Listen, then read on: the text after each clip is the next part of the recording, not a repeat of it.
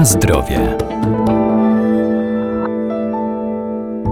Rośliny zielarskie dzięki bogatej zawartości wielu cennych składników mają szerokie zastosowanie w medycynie ludowej czy w przemyśle kosmetycznym. Glistnik jaskółcze ziele to pospolity chwast, ale też jedno z najsilniej działających ziół na świecie, zaś aloes zawiera ponad 200 różnych aktywnych składników.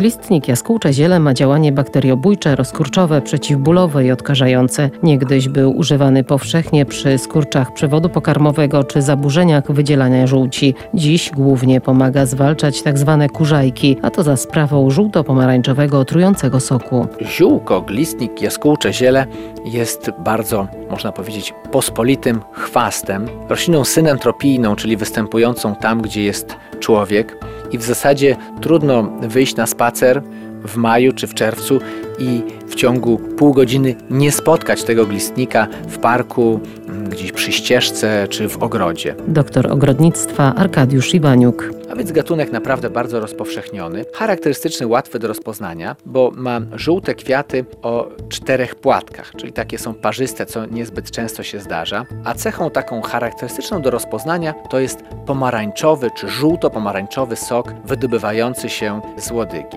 I właśnie ten sok jest środkiem leczniczym. No, glistnik, jaskółcze ziele czy kurze ziele czasami nazywane działa na kurzajki. Sok jest trujący, nawet silnie trujący, więc trzeba też uważać, żeby przypadkiem go nie spożyć, ale na kurzajki rzeczywiście działa, niszczy je Dawniej glistnik jaskółcze ziele, jak sama nazwa wskazuje, służył czemuś innemu. Służył przede wszystkim walce z pasożytami wewnętrznymi. Stąd ta nazwa. Teraz tego się nie stosuje, ponieważ no, są lepsze środki łagodniejsze. Glistnik jest trujący, silnie trujący. Na pewno był skuteczny. Kiedyś glistnik był stosowany oprócz tego, że na pasożyty, również odwary z glistnika jako środek przeciwbólowy w przypadku kamicy żółciowej, wrzodów żołądka i bolesnych miesiączek. Ale jest jeszcze jedno zastosowanie bardzo użyteczne dla nas, mianowicie ziele glistnika, palone, używane kadzidełko odstrasza komary i muchy, a więc bardzo może nam się przydać w jakiś majowy czy czerwcowy wieczór, żebyśmy mogli się lepiej zrelaksować przy wieczornej rozmowie,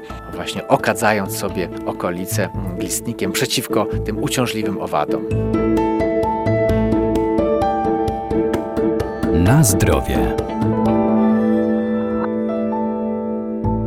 Aloes ma soczyste liście, które są prawdziwą skarbnicą cennych dla naszego zdrowia substancji. Między innymi leczy trudno gojące się rany. Jest to sukulent, roślina, która gromadzi wodę w liściach, roślina, która w naturze swojej występuje w obszarach takich półpustynnych, raczej suchych. No i właśnie ten aloes jest też ziołem, ponieważ ma działanie, czy stosowany jest w leczeniu różnych dolegliwości. Aloes przede wszystkim był stosowany jako środek bakteriobójczy. Zanim jeszcze poznano bakterie, już stosowano go po to, żeby obronić się przed chorobami, szczególnie przed chorobami skóry. I do dzisiaj również aloes dobrze jest stosować w ten sposób. W momencie, kiedy pojawią się jakieś oparzenia albo zranienia, które się nie chcą goić, to wtedy ucinany jest kawałek mięsistego liścia, odkrajana jest skórka i tą stroną wodnistą, jakbyśmy widzieli tym miąższem wodnistym, przykładana do rany, przyklejana tak, żeby ta ciecz kojąca, ułatwiająca regenerację skóry, ułatwiająca gojenie rany i bakteriobójcza zadziałała. I to jest takie najbardziej, myślę, proste, najszybsze stosowanie olesu. Ale też jest to roślina, która oprócz tego, że zewnętrznie na skórę ją stosujemy, można z niej robić preparaty o takim działaniu ogólnie wzmacniającym, poprawiającym trawienie, poprawiającym apetyt, no ponieważ jest to gatunek posiadający w swoim składzie wiele garbników, wiele soli mineralnych cennych, wartościowych, śluzów, a także witamin.